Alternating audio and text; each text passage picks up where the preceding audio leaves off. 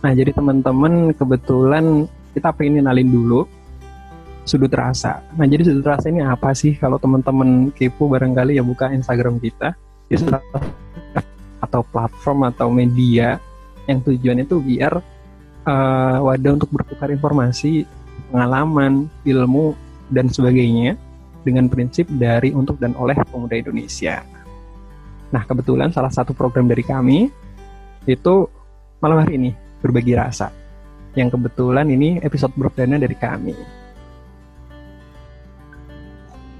Dan malam ini Sudut Rasa punya bintang tamu spesial yang kami undang secara personal. Istiqomah Amalia, lulusan Teknik Kimia S1 ITS yang saat ini menempati posisi di Danone Workers. Kita sapa dulu yuk. Hai Mbak Istik. Halo Mbak Istik. Halo semuanya. Disapa dulu Mbak. Waalaikumsalam. Gimana Mbak sehat Mbak? Nih, deg-degan nih. Santai aja sesinya, sesinya gimana nih sesinya?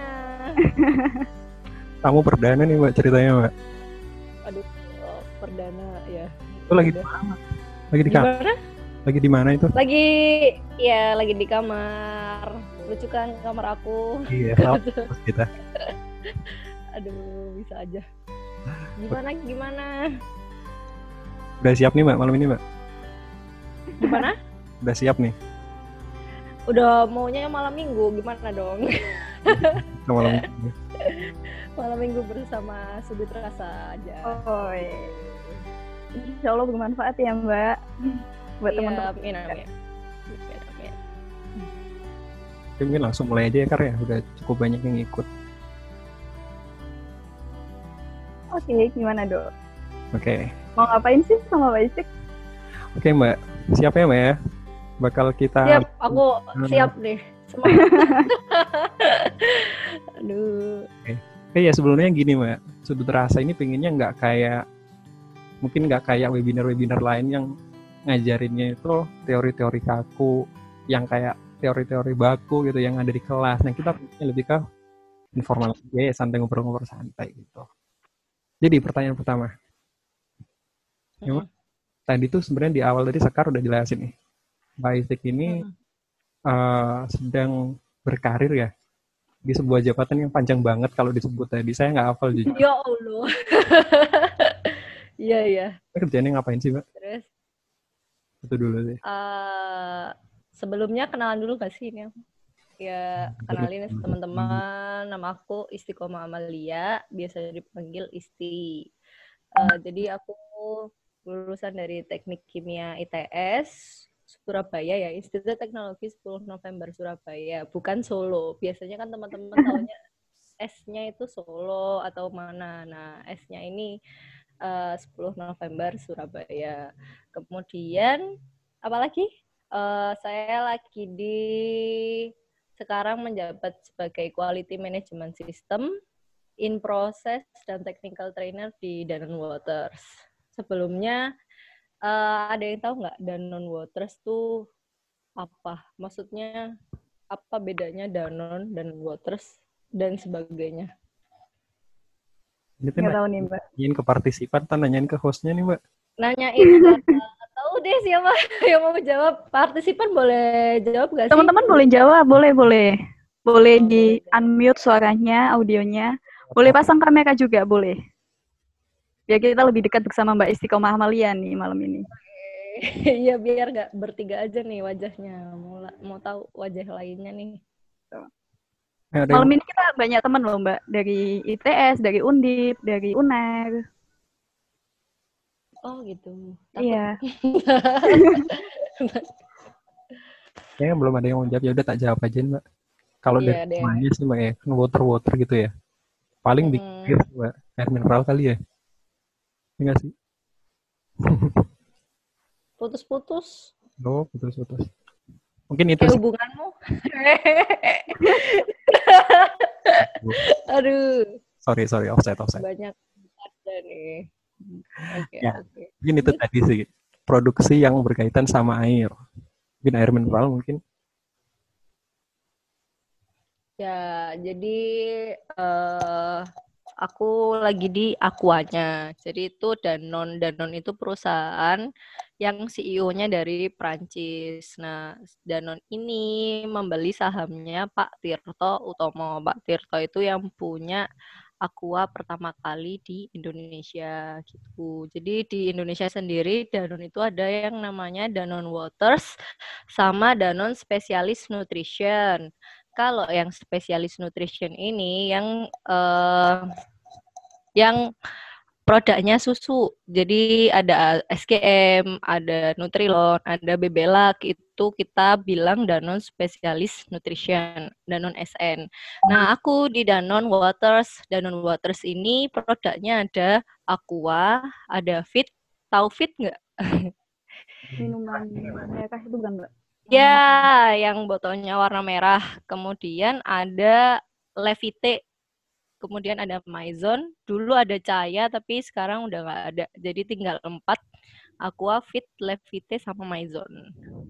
Nah, aku sekarang di Danon Waters-nya berada di Plan Banyuwangi. Sebelumnya aku di Plan Mambal dan Sembung Gede, Bali. Jadi ada sekitar 23 pabrik di Indonesia, pabrik Aqua. Nah, aku ditempatkan sekarang di Plan Banyuwangi. Seperti itu. Oke, oke, oke seru ya.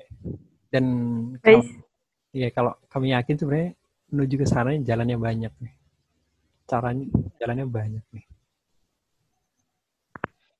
Mbak Istik tadi kan ya. aku udah sempat nyampein ya kalau Mbak Istik itu lulusan teknik kimia. Dan kebetulan sama nih aku juga anak teknik kimia yang berusaha lulus tahun ini.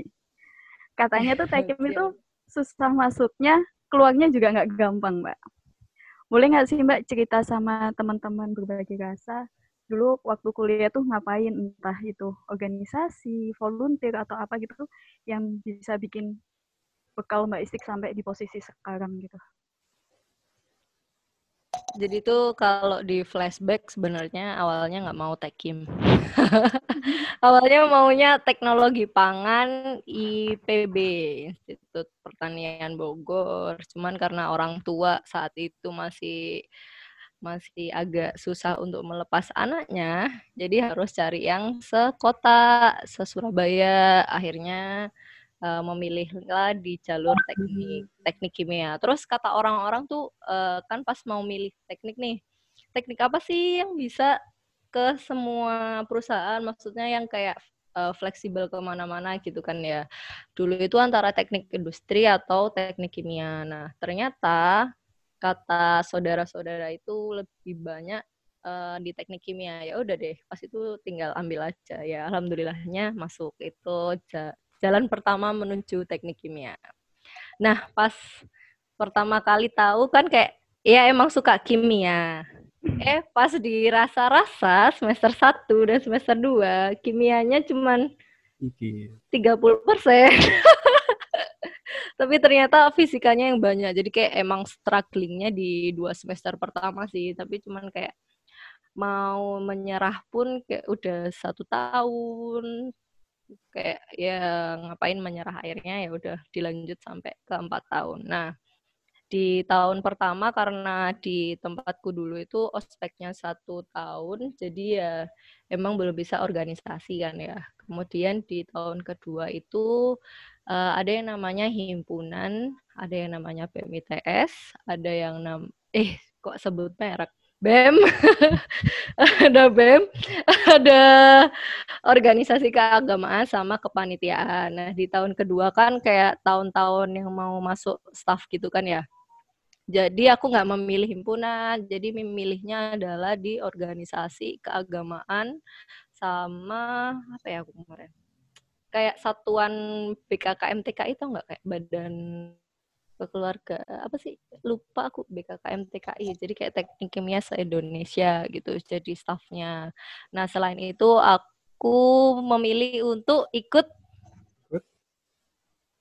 kayak uh, acara acara-acara ke anak-anak kecil. Jadi kayak itu mengajar ke pelosok kayak Indonesia mengajar lah. Jadi aku uh, lebih ke arah gimana caranya dalam empat tahun itu aku mendapatkan empat kategori. Dari segi kepanitiaan uh, udah pernah punya pengalaman. Dari segi PKM kalau di kuliah kan ada PKM ya. Jadi kayak keilmiahan pun dapat pas itu alhamdulillah pernah terdanai juga PKM tapi nggak sampai PIMNAS jadi ada PKMK dua kali terdanai dan satu kali PKMP kemudian dari segi kepanitiaan, dari segi organisasi, dari segi hmm. uh, eh, CSR apa ya CSR? Kalau di pabrik itu CSR. ya, acara sosial. Ya acara sosialnya dapat dari ITS mengajar itu. Kemudian kepanitiaan udah sih itu.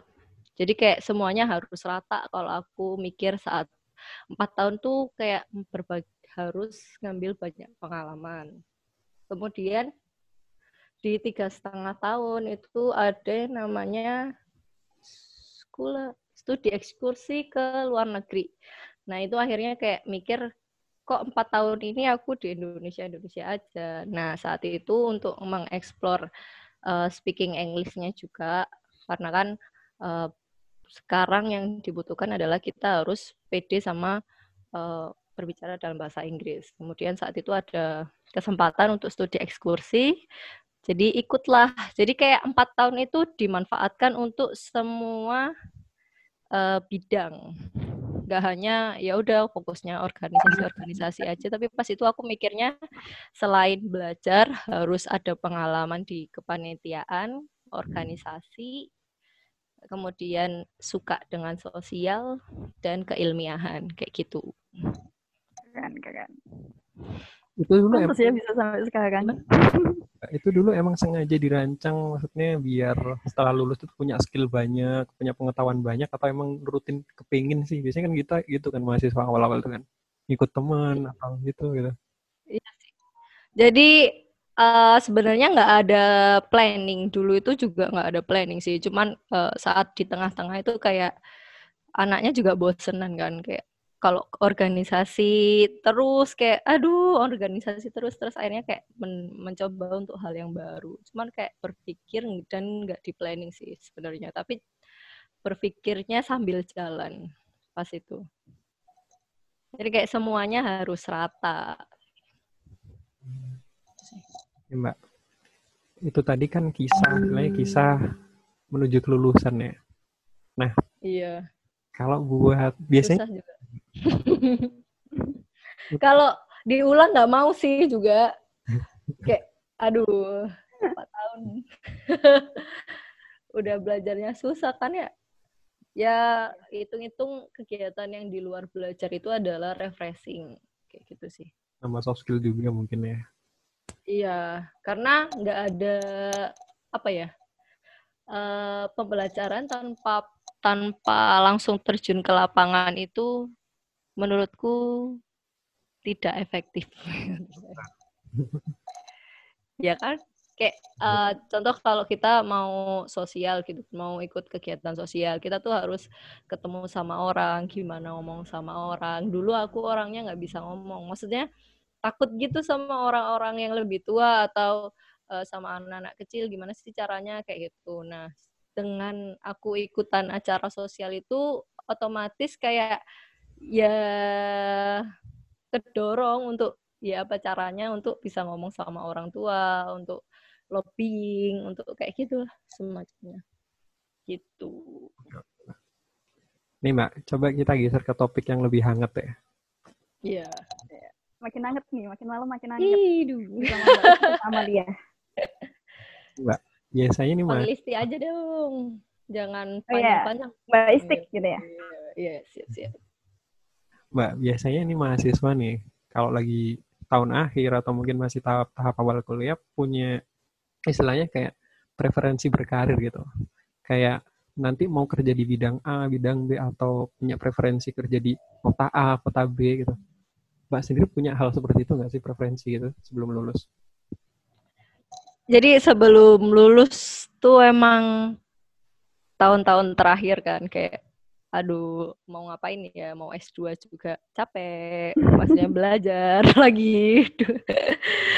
Terus belum urus ini itu gitu kan. Nah, emang awalnya emang pengen bekerja. Kemudian pas mau bekerja itu preferensinya adalah pertama kan aku empat tahun di teknik kimia. Biasanya teknik kimia itu yang paling diserbu adalah bidang oil dan gas. Nah, karena aku sadar diri akan kemampuan hard skillku terhadap teknik kimia dan kayak uh, no passion gitu di sana, akhirnya kayak uh, preferensi karirku setelah lulus kuliah itu yang di bidang FMCG fast moving consumer goods. Jadi uh, cita-cita pertama adalah masuk ke Unilever sih. Mohon maaf sebut merek.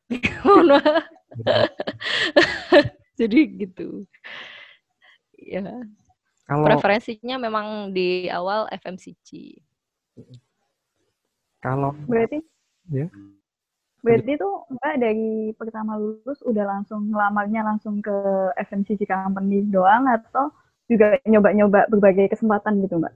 Nah, karena uh, karena kan saat lulus itu nggak nggak nggak semua FMCG itu buka lowongan kan. Yeah. Jadi iya. ya memang selain itu juga dikirim ke mana-mana sih. Cuman uh, saat itu ini udah masuk ke topik inti nggak perjalanan ini? Iya, jadi perjalanan setelah lulus ya ini sih maksudnya ya ke semua lowongan-lowongannya itu semua. Cuman yang oil and gas uh, awal-awal itu nggak mau aku ini nggak mau aku apply untuk oil and gas. Kadang kadang apply pun kayak setengah hati karena kalau keterima juga harus belajar tekim lagi gitu kalau nggak keterima masih pengangguran gitu kan. Jadi tapi tetap setengah hati. Kalau FMCG emang bener-bener udah yang Bismillah ingin banget. Oke oke mbak. Nah kalau misal semacam preferensi ini sebenarnya banyak dibingungin juga preferensi lokasi mbak. Kayak lokasi penempatan seluruh Indonesia ada yang takut di keluar pulau itu hilang ya. rumah ya kan ya. Kalau Mbak Sri ngalamin gitu nggak atau? Of course. Kita ceritain kayak gitu. Jadi itu aku lumayan seperti anak durhaka sih sebenarnya. Jadi emang keluarga itu kayak eh, kan aku asli Surabaya ya. Jadi hmm. keluarga itu keluarga itu pengennya yang Surabaya dan sekitarnya. Sebut saja Surabaya, Sidoarjo, dan Gresik gitu kan. Keluargaku semua lapisan masyarakat dalam keluargaku itu pengennya di sekitar sana karena harus dekat sama keluarga. Tapi karena memang jiwa-jiwa kita yang mau lulus kan pasti kayak ideal banget kan. Kayak ya udah bisa bisa aku keluar kota bisa bisa jadi perantau bisa ini bisa itu. Jadi ya ya saat itu sih iya ditempatkan di seluruh Indonesia oke okay, gitu. Bahkan yang uh, programku yang sekarang pun juga ditempatkan di seluruh cabangnya aku maksudnya di plan-plan di Aqua di Danone Waters. Gitu. Jadi jangan kayak aku ya anak durhaka. Itu uh, apply pun aku nggak bilang ke keluarga. Kayak ya udah anaknya emang terserah anaknya emang tatak Oke, keren banget sih Mbak Istik. Balik lagi ya ke topik malam ini, jungkat-jungkit pasca kampus. Seperti yang kita tahu, jungkat-jungkit itu mainan. Kalau dimainin siapa aja, bakal ada yang di atas, bakal ada yang di bawah. Halo? Ya. Yeah. Bakal yeah. ada di atas, bakal ada di bawah kan. Gak peduli siapa pun yang mainin gitu kan. Bisa nggak sih Mbak Istik cerita nih ke kita-kita, cerita jungkat-jungkit versi Mbak Istik selama dua tahun ngejalanin pasca kampus? Iya. Yeah mungkin ini bukan pekerjaan pertama mungkin ya mbak ya. Mungkin ada pekerjaan pekerjaan iya. gitu. Jungkat jungkitnya dulu gimana mbak? Ya, jadi cerita aja deh jujur deh ini.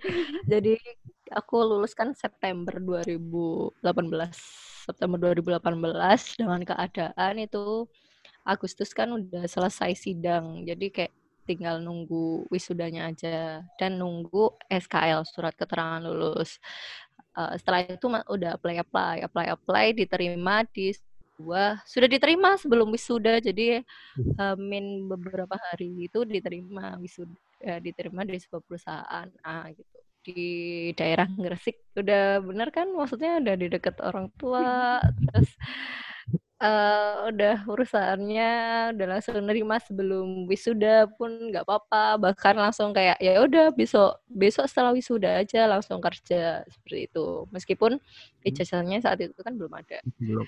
nah namanya orang baru dan terlalu ideal kita kan ya anak muda kan zaman itu kan kayak uh, mengejar eksistensi. Aduh.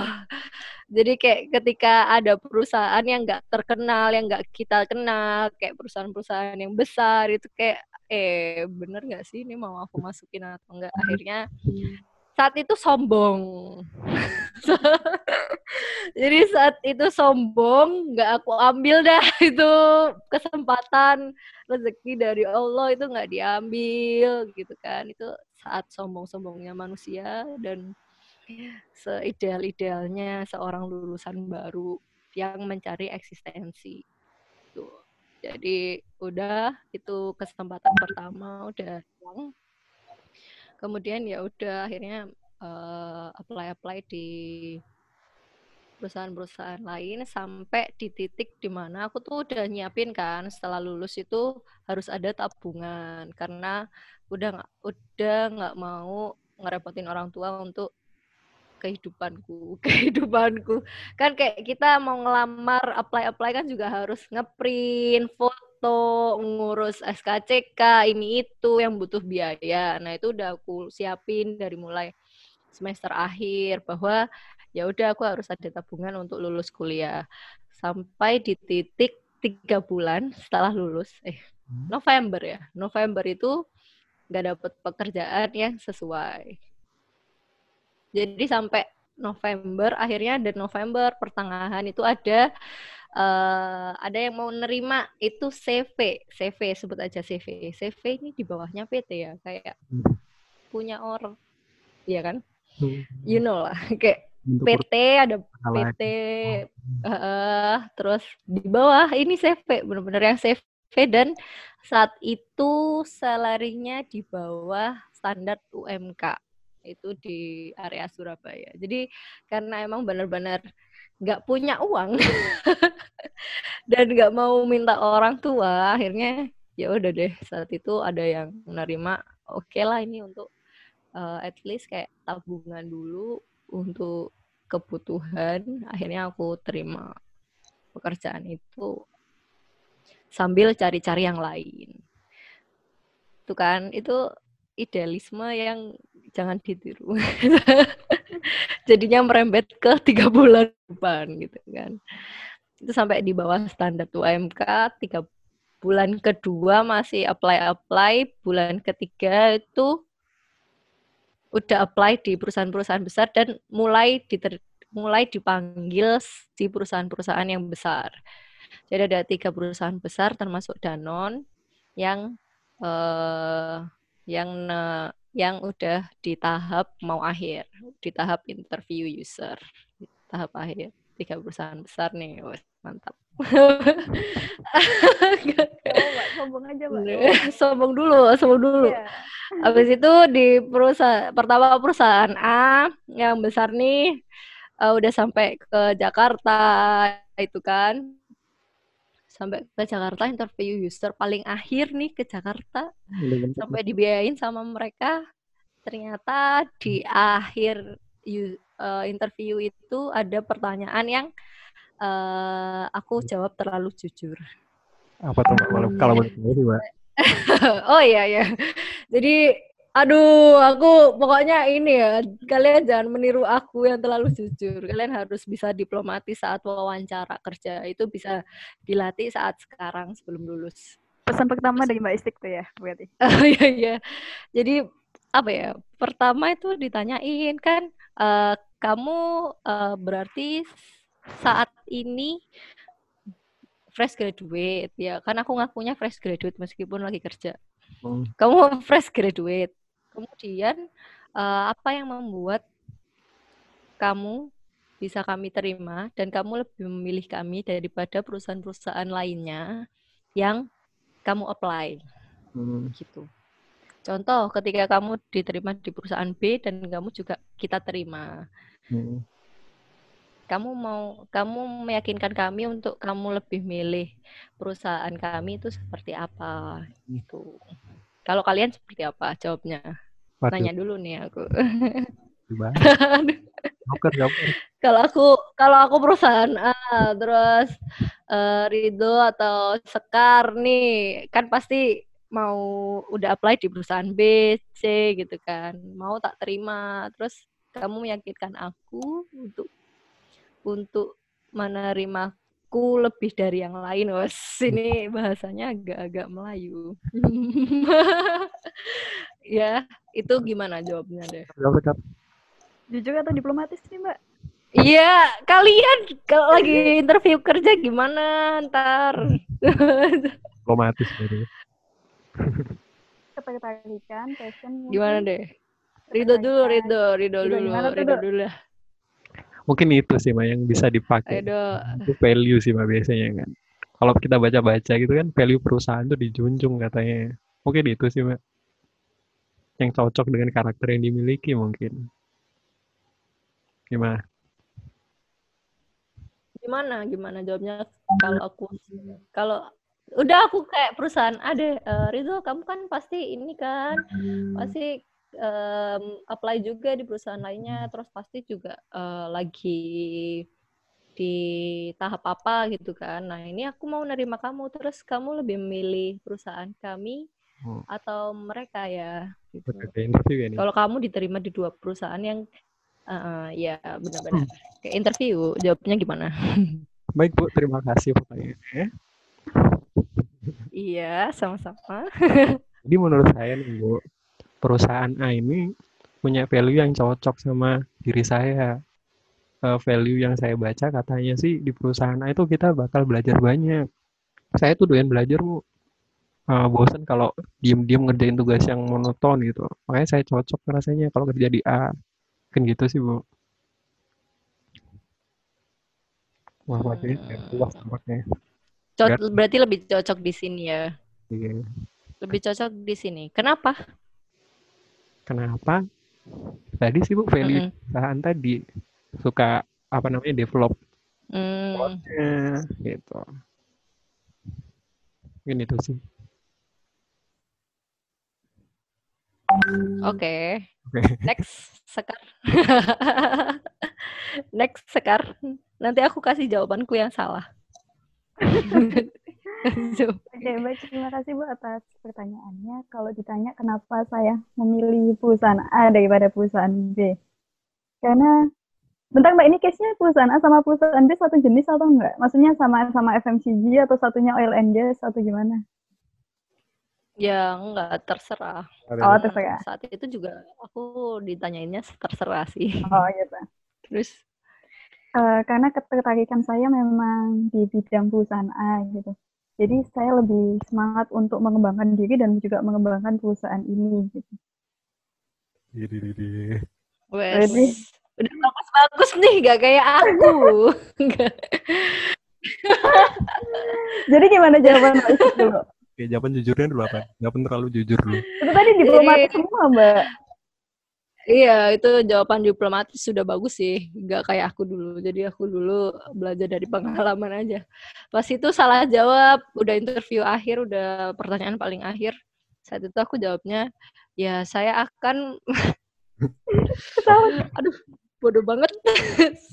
saya akan menimbang-nimbang Pak dari segi benefitnya lebih lebih lebih ini yang mana. Kemudian uh, terus kayak apa tempat maksudnya ditempatkan di mana juga. Maksudnya aku terlalu jujur kalau ngomong aku akan menimbang antara dua perusahaan tersebut. Tapi kan memang uh, kita pasti akan menimbang kan. Kalau kita sama-sama diterima di perusahaan yang berbeda dua pasti kan kita menim, uh, menimbang-nimbang nih yang uh, yang lebih baik yang mana segi salary, segi tempat tinggal, ada nggak uh, tambahan untuk tempat tinggal dan sebagainya kan. Nah saat itu aku jawabnya terlalu jujur, jadi jadi langsung kena skak sama mereka. Jadi mereka langsung kayak bilang kamu ini loh fresh graduate, kamu belum bisa menunjukkan bahwa kinerjamu itu seperti apa. Tapi kok kamu sudah uh, bilang seperti itu, kayak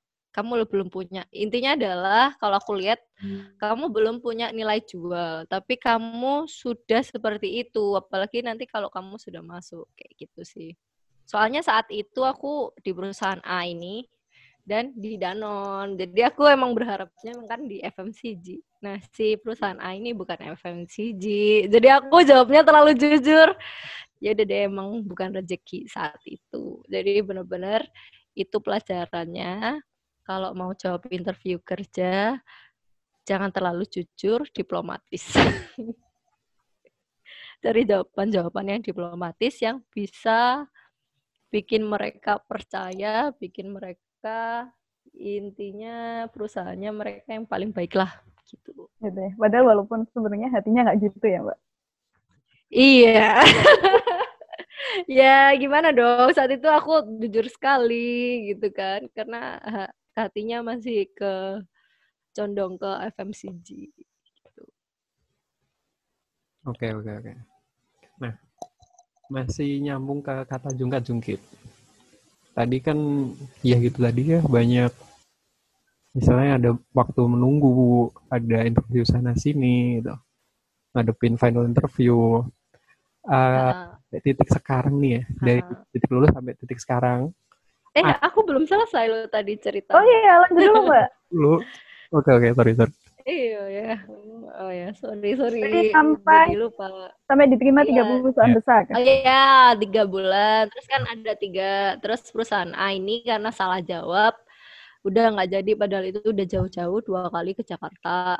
Kemudian nyoba CPNS pun juga nggak dapet. Soalnya yang diambil juga di Jakarta. Terus kayak banyak gitu kemudian sampai aku mikir ini karena keluarga aku nggak nggak ikhlas kali ya?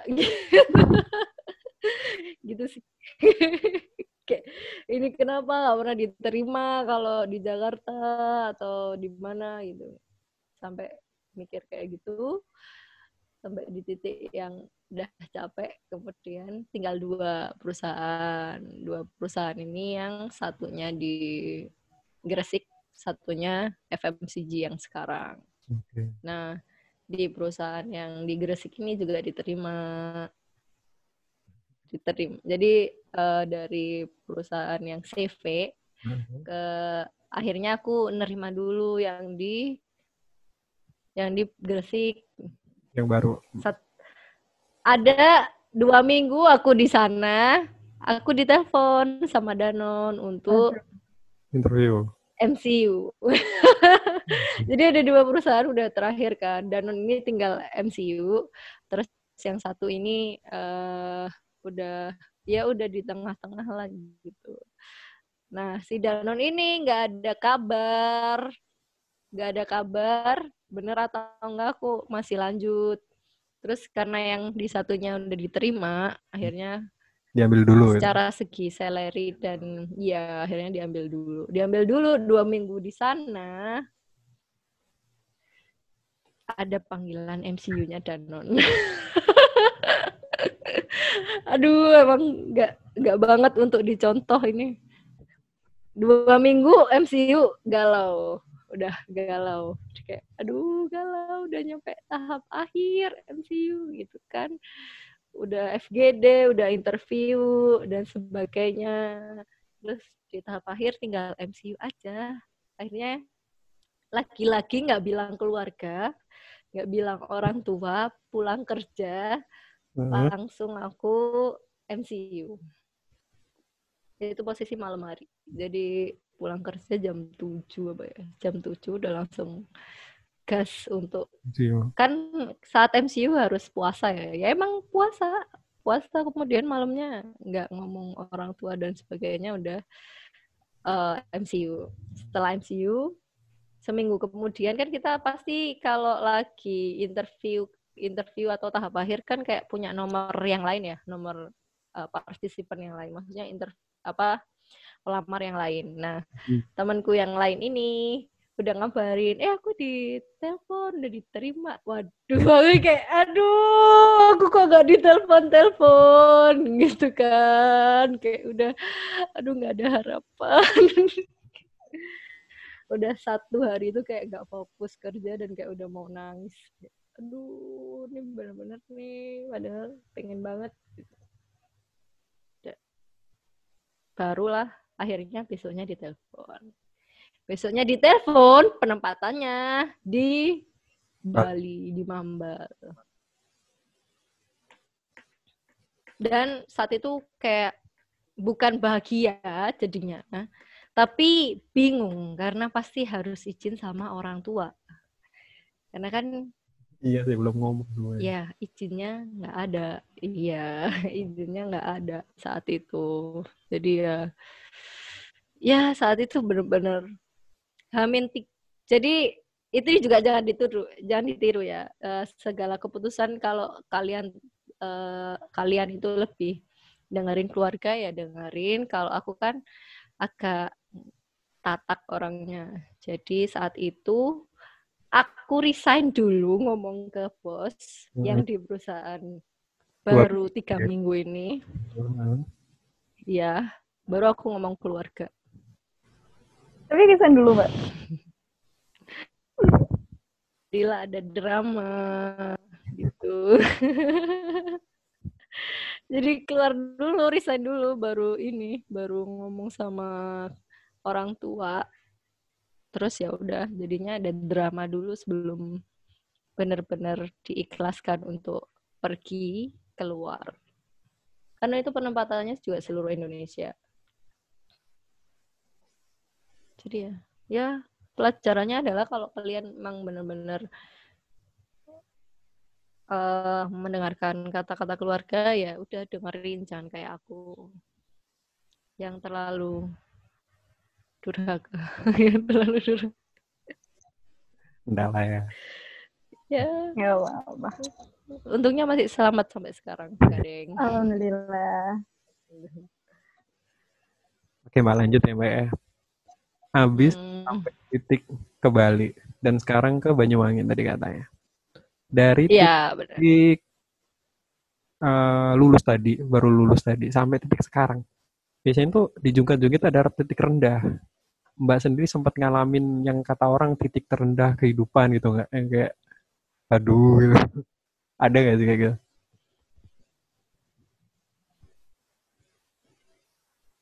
Ya itu di tengah-tengah itu tadi sampai menemukan eh aku ada di FMCG jadi ada yang sempat tiga bulan pertama yang nggak dapat dapat kerja. Hmm? itu eh, September ya kan? September ke November. Itu kan nggak dapat dapat kerja. Udah apply di mana aja. Udah 50 lebih perusahaan kayaknya yang aku apply. Kemudian CPNS aku ke Jogja ECC UGM kemudian ke Jakarta bolak-balik kayak gitu udah benar-benar effortnya luar biasa sampai sampai ya kayak apa ya bener-bener diuji sih itu kayak iman dan takwa kita sebagai manusia kayak sampai ada saat di mana nyalahin Tuhan. Maksudnya kayak kenapa sih ya Allah aku udah maaf ya karena aku agamanya Islam jadi kayak kenapa sih ya Allah kok kok kayaknya nggak dapat dapet kok rezekinya di ini terus kayak bener-bener yang sumpek deh. Pokoknya kalau kalian habis empat tahun punya kegiatan, punya kita kan belajar organisasi ya kayak WFH WFH sekarang lah maksudnya WFA sekarang kan orang-orang juga pada sumpah kan. Ya saat itu seperti itu kayak kamu awalnya yang punya kegiatan organisasi dan sebagainya yang punya banyak hal untuk dipikirkan dan dipelajari dan sesuatu yang baru kemudian kamu cari kerja nggak dapat dapat udah ke sana sini maksudnya ngurus sana sini apply sana sini uh, ke, udah banyak effort tenaga untuk keluar kota untuk ke mana-mana. Maksudnya udah sampai ngeprint dan sebagainya itu kan punya effort semua kan. Itu bener-bener yang kayak nyalahin nyalahin yang maha kuasa sih kayak kenapa sih kok nggak ada betapa apa salahku? Kayak gitu gitu apa salahku? Terus juga sama orang tua juga nggak pernah durhaka. Maksudnya saat itu kan kayak nggak durhaka nggak apa itu bener-bener diuji banget. Jadi kalau kalian yang belum lulus itu benar-benar nyiapin mental sih. Bahwa mentalnya juga dinaikin bahwa ketika belum dapat kerja kemudian ketika ketika nggak diterima di tempat yang diinginkan saat itu kan juga aku pernah apply di Coca-Cola. Itu kan uh, perusahaan food and beverage juga. Terus emang yang benar-benar pengen banget kemudian nggak dapet. Itu rasanya luar biasa. Sedihnya itu luar biasa kayak hilang motivasi. Terus kayak kamu udah umpamanya tahapan tahapan kerja kan sampai 4 sampai 5 kamu udah di tahapan yang paling akhir terus kamu gagal itu benar-benar menguras menguras semuanya yeah. emosi air mata gitu. Oh iya, menguras emosi gitu sih kayak benar-benar mentalnya itu yang di diuji banget mental mental itu diuji banget gimana caranya ketika udah sedih saat udah gagal terus bangkit untuk ya udahlah apply lagi gitu. Ya udahlah mulai awal lagi. Kayak titik di mana kamu dari akhir terus ke awal lagi itu yang benar-benar jadi titik terendahmu dan uh, dan saat itu kayak kamu punya idealisme tapi kadang idealisme itu mengalahkan realita. Kayak aku kan maksudnya idealisnya adalah ya aku harus uh, keterima di perusahaan yang eksistensinya diakui oleh seentaro angkatan gitu kan saat itu saat mau lulus. Dan diterpa oleh realita ternyata hello duit mengalahkan ini loh idealisme loh gitu kayak.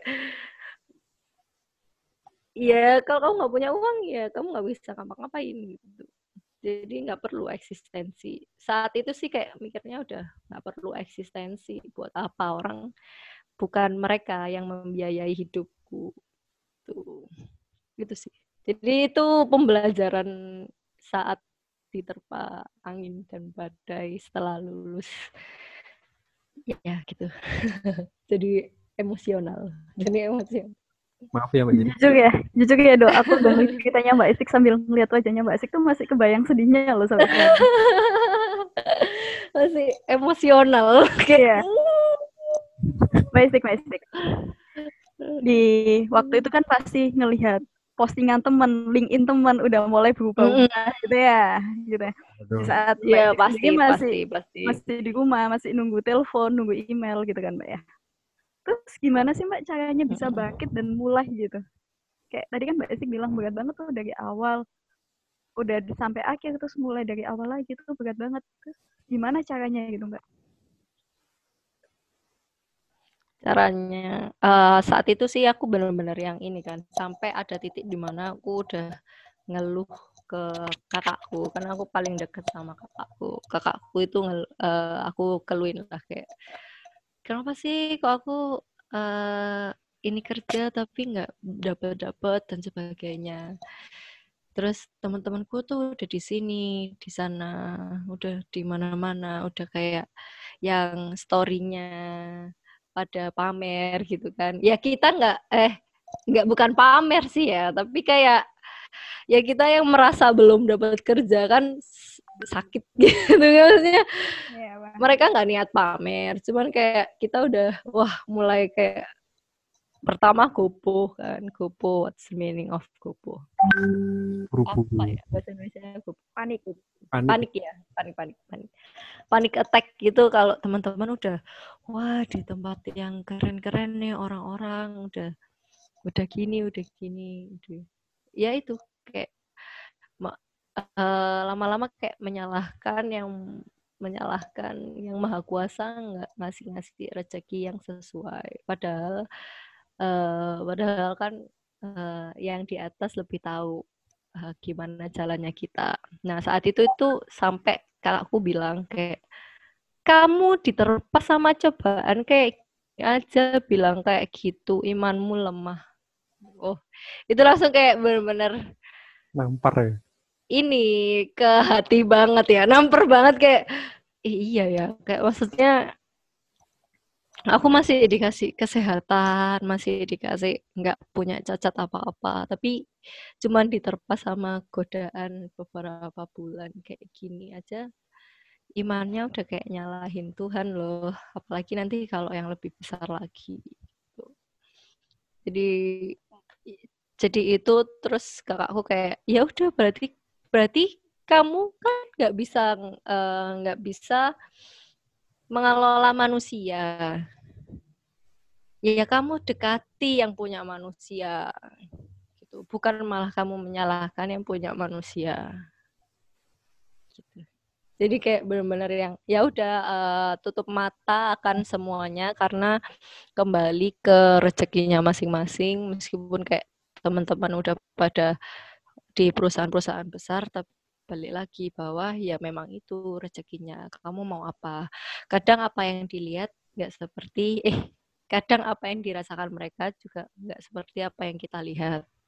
Teman-temanku itu yang uh, ternyata di tempat-tempat yang baik-baik itu ada story juga di belakangnya itu. Jadi dia gimana naik turunnya di sana, gimana kerjanya yang juga lelah di sana itu juga ada. Jadi yang kita lihat itu nggak sepenuhnya benar. Jadi apa yang overthinking itu nggak boleh sih sebenarnya. Kayak benar-benar ya udah kalau kalau lihat teman LinkedIn-nya lebih bagus dan berarti kan ya balik lagi bahwa itu rezekinya. Itu memang sudah ditakdirkan sama yang di atas untuk jalannya dia gitu. Uh, coba kalau kita yang berada di mereka, apakah kita bisa? Enggak juga. Jadi ya memang itu jalannya gitu sih. Saat itu itu itu is pokoknya peace mental dan fisik dan itu yang di ini, bukan bukan apa-apanya. Jadi yang menampar adalah kakak sendiri bahwa emang yang harus dikuatin adalah yang di dalam. Gitu. Berat, berat. emang harus dilakuin dulu baru di ini karena emang ya gitu maksudnya.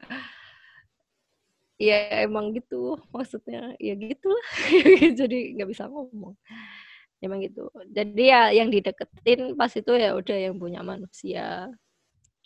Karena emang benar sih aku di dan maksudnya saat interview user di Danon mm-hmm. itu benar-benar gak nyiapin apa-apa.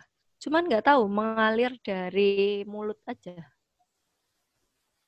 Nggak dipikir di hmm. perusahaan. A yang tadi aku cerita itu aku mikir loh. Maksudnya sebelum aku mikir kayak di setting lah intinya.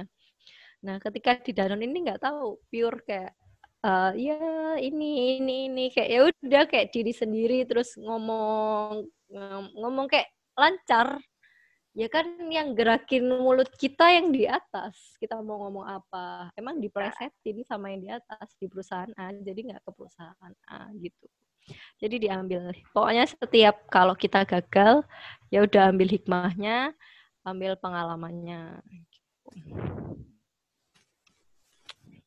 Oke. Okay. Diam aku. Diam gitu. udah langsung ini ya. Langsung emosinya turun gitu. Ke bawah ini. Iya maaf ya. Kayak ngebayangin gitu dalam waktu dekat bisa jadi ngerasain apa yang Mbak Istik dulu rasain kita semua di sini ya kan? Jadi kayak ini belajar lebih dulu dari pengalamannya Mbak Istik gitu. Oke Mbak, mungkin satu lagi deh. Uh, dari teman-teman yang ikut berbagi rasa malam hari ini, mungkin ada yang masih kuliah, ada yang semester akhir, ada yang udah lulus nyari kerja gitu kondisi pandemi juga lagi nggak enak gini kan lagi Mm-mm. banyak kalau dari mbak Iya, iya. ada pesan-kesan gitu nggak untuk teman-teman yang akan menjalani jungkat-jungkit yang udah mbak laluin sebelumnya gitu. yang mau nyari kerja katakanlah yang mau lulus yang lagi bingung Ya, kalau yang sekarang masih semesternya masih belum tua-tua banget, ini di, di, di- coba cari pengalaman yang yang menurut kamu bisa menjual kamu nantinya. Pengalaman-pengalaman yang orang lain tuh nggak kadang nggak nggak berpikir ke arah tersebut atau pengalaman-pengalaman yang yang nggak semua orang bisa gitu. Kalau aku dulu kan aku karena aku ratain jadi maksudnya ratain itu yang tadi kan oke kepanitiaan, organisasi, keilmiahan dan sosial. Jadi ketika di interview itu ketika ngomongin sosial aku bisa nyambung. Ketika ngomongin keilmiahan bisa nyambung. Ketika ditanyain organisasi ya bisa nyambung panitia juga bisa nyambung gitu. Jadi kayak ada yang diceritakan dan dan eh dan ada kan ya kalau di kuliah tuh cuman ya udah cuman status doang tapi dia nggak dapet intinya di situ. Mhm. Contoh ngikut panitia A tapi cuman status doang. Daftar Kayak, eh aku udah pernah loh jadi staff ini, aku udah pernah loh eh, jadi humas. Tapi nggak ada cerita di belakangnya, nggak ada cerita yang bisa diceritain. Kadang itu orang-orang saat interview kerja itu ditanya, ah, pas kepanitiaan apa sih yang eh, hal-hal yang kamu masih ingat? Maksudnya hal-hal yang sulit saat kepanitiaan gitu kan? Oh, saat ini, saat aku punya anak punya anak-anak. Kalau aku bilangnya anak-anak kan, kayak maksudnya yang staff aku jadi apanya kan staffku itu kayak anak-anak. Jadi kayak ketika aku punya anak-anak nih, gimana caranya mereka bisa eh bisa aku leaderin, bisa aku eh, bisa aku tunjukin di mana dia harus ke mana ke mana ke mana ya ngedrive orang istilahnya ngedrive orang seperti apa. Kayak gitu kayak gimana kamu ceritanya ketika kamu ada pengalaman di situ? Bukan hanya status itu untuk yang masih kuliah ya. Jadi kayak ada pengalaman yang mengesankan dan gimana caranya kamu ketika ada masalah di di pengalamanmu itu terus kamu memperbaikinya, kamu mengatasinya seperti apa. Itu yang perlu diceritakan saat interview kerja juga. Kemudian saat yang udah tahun-tahun terakhir gini coba bikin semacam timeline target sih, targeting sih. Saat itu kan aku nggak nggak nggak mikir target ya, nggak mikir timeline lah istilahnya. Contoh saat itu aku terlalu ideal gitu. Ada yang sampai setahun terlalu ideal, ada yang enam bulan, ada yang tiga bulan. Nah, kalian coba bikin target lah, umpamanya idealisme kalian itu bisa diturunkan saat kapan? tiga bulan kah ketika udah nggak punya nggak dapat kerja atau enam bulan kah atau setahun malahan jadi dan uh, konsekuensinya ketika kalian ngeset target itu kalian harus bisa ngelola mental ketika teman kalian udah punya kerja. Itu target yang pertama idealis. Idealis itu yang perlu di maintain di masa-masa awal lulus kuliah. Kemudian uh, dari sekarang udah mulai dicoba soft skill-nya untuk lobbying. Lobbying di sini adalah lobbying saat interview kerja. Emang interview kerja itu berdasarkan pengalaman sih. Maksudnya akan keluar uh, improve-nya itu ya based on experience uh, berdasarkan pengalaman. Tapi bisa aja kan kalian untuk mencoba sama teman kalian. Pertanyaan-pertanyaan yang dasar gimana sih cara jawabnya ini? Gimana cara jawabnya itu? Uh, dan itu yang pertama kemudian FGD forum group discussion. Jadi kalau ada masalah nih, mumpung COVID lagi anget-anget kan ya, itu kalian coba untuk explore, explore eh, sama teman-teman kalian sendiri. Uh, gimana caranya explore ya udah kayak uh, kita punya pikiran masing-masing pendapat. Pendapat itu kita sampaikan di dalam diskusi itu. Kemudian kalau ada teman kita yang nggak nggak setuju, itu gimana cara kita untuk dealing dealing kayak uh, pendapatku yang lebih lebih bagus loh bukan bukan mau gimana kalau gini gimana kalau gitu ya itu cara negosiasi juga dalam diskusi FGD itu. Kemudian ini preparing speaking bahasa Inggris. Itu sangat sangat sangat dibutuhkan di zaman sekarang. Jadi kayak uh, dikit-dikit dikit-dikit atau banyak juga nggak apa-apa sih malah lebih bagus banyak untuk improving skill interview dalam bahasa Inggris itu untuk yang tahun keempat. Ya itu yang untuk tahun yang mau lulus. Kalau apalagi saat ini covid ya. Jadi kayak ya benar-benar cari kerja itu susah apalagi yang sekarang.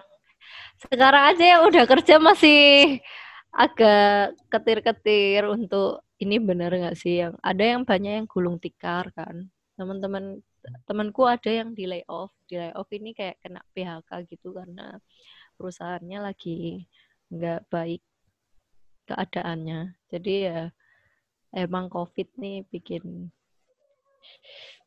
semua ra semua ranah kena dampaknya gitu.